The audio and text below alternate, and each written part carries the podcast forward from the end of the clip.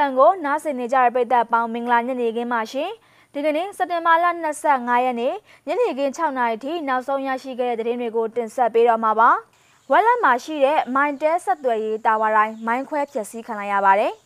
။ကပါစတက်တွင်းရံပွဲကြောင့်အသက်12နှစ်အရွယ်မိန်းကလေးသေဆုံးခဲ့တာပါ။ရန်ကုန်မြို့နယ်22ခုမှာ9နာရီကြာလျှက်စစ်တာအားပြတ်တောက်သွားမဲ့သတင်း။စတဲ့သတင်းကြောင်းရာတွေကိုတင်ဆက်ပေးတော့မှာပါ။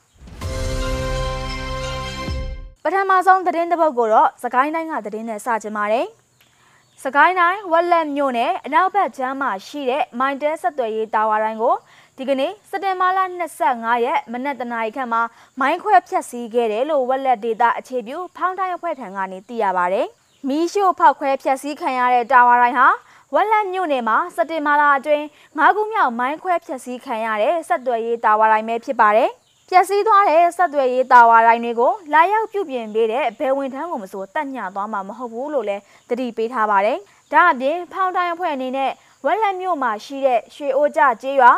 တစ်စိန်ကျေးရွာရေလမော်ကျေးရွာနဲ့မင်းကုန်းရွာမှာရှိတဲ့ပြူစောတိအဖွဲ့ဝင်၄ဦးကိုလည်းပြီးခဲ့တဲ့လပိုင်းအတွင်းကတုတ်တင်ရှင်းလင်းခဲ့တာပါ။အာနာသိန်းစစ်ကောင်စီခန့်အုပ်ချုပ်ရေးမှုတွေနဲ့ စစ်အုပ်စုရန်ရာလဲဘက်စိန်နိုင်မှုကုညီဆောင်ရွက်ပေးနေသူအားလုံးကိုတိုက်ခိုက်ချိန်မုံသွားမယ်လို့ဝက်လက်ဒေတာအခြေပြုဖောင်းနိုင်ဖွဲ့ကအတိပေးကြေညာထားတာပဲဖြစ်ပါတယ်ရှင်။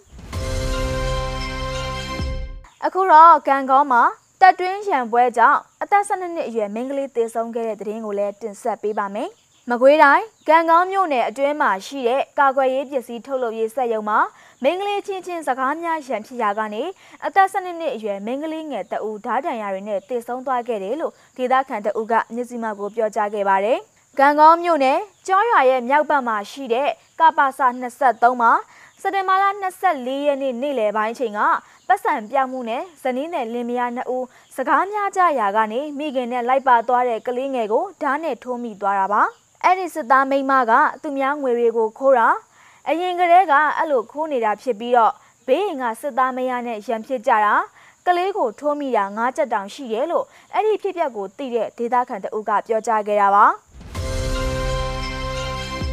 အခုဆက်ပြီးတော့ရန်ကုန်တိုင်းဒေသအတွင်းမှာရှိတဲ့မြို့နယ်တချို့မှာလျှက်စစ်ဓာတ်အားပြတ်တောက်သွားမယ်သတင်းပြည်စုံကိုလည်းတင်ဆက်ပေးပါမယ်ရှင်ရန်ကုန်တိုင်းတွင်းမှာရှိတဲ့နေရာ22ခုမှာစက်တင်ဘာလ26ရက် မနက်10:00နာရီကနေနေ့လယ်3:00နာရီထိ9:00နာရီကြာလျှက်စစ်ဓာတ်အားပြတ်တောက်မှာဖြစ်တယ်လို့စစ်ကောင်စီလက်အောက်ခံရန်ကုန်လျှက်စစ်ဓာတ်အားပေးရေးကော်ပိုရေးရှင်းက YESC Call Center လူမှုကွန်ရက်စာမျက်နှာကနေတဆင့်ထုတ်ပြန်ထားပါတယ်။ရန်ကုန်တိုင်းမှာရှိတဲ့မော်ဘီတိုက်ကြီးအုတ်ကန်အဖျောက်ညောင်းတကာလှိုင်သာယာရွှေပြည်သာရွှေလင်ပန်းထန်းတပင်ဒလာတွန်တေးကော့မူကုန်းချံကုန်း စိတ်ကြီးခနောင်တို့အေးရွာအင်းစိန်မယန်းကုန်းလှိုင်ကမာယိုကြည့်မြင်နိုင်တဲ့စမ်းကြောင်မြို့နယ်ကရှိတဲ့နေရာတချို့မှာလျှက်စစ်တာအပြတ်တောက်မှာပါရန်ကုန်မြောက်ပိုင်းခရိုင် 230 kV ညောင်းတကာပင်မဓာတ်အားခွဲရုံနဲ့ 230 kV ဝါတရာပင်မဓာတ်အားခွဲရုံတို့ကိုထိမ့်သိမ့်ပြုပြင်ရန်ရှိနေတဲ့အတွက် ရန်ကုန်မြို့ရဲ့သုံးပုံတပုံအရေးအတွက်နှီးပါရှိတဲ့မြို့နယ်တွေမှာတက်အားလွှတ်မှုဖျက်တောက်ထားရတာဖြစ်တယ်လို့ YESC ကပြောပါတယ်။ဒီကနေ့မနက်10:00နာရီလောက်ကလည်းရန်ကုန်မြို့မှာရှိတဲ့မြို့နယ်တချို့မှာညှစ်စစ်ဓာတ်အားတွေပြတ်တောက်ခဲ့တာပဲဖြစ်ပါတယ်။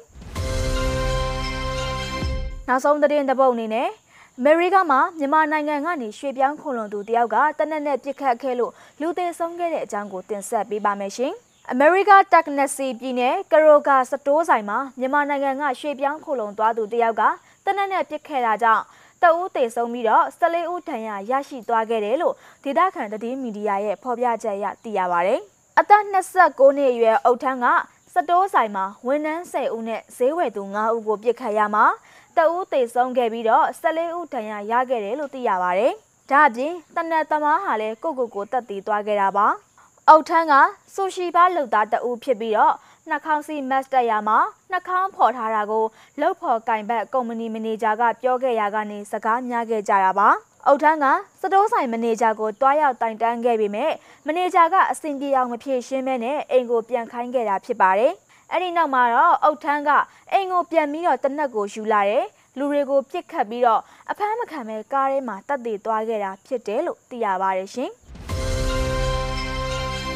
စက်တင်ဘာလ25ရက်နေ့ညနေခင်း6နာရီထိနောက်ဆုံးရရှိခဲ့တဲ့သတင်းတွေကိုတင်ဆက်ပေးကြတာပါ။နားဆင်ပေးခဲ့တဲ့အတွက်ကျေးဇူးတင်ပါတယ်။အားလုံးပဲတာယာလှပတဲ့ညနေခင်းလေးကိုပိုင်ဆိုင်ကြပါစေရှင်။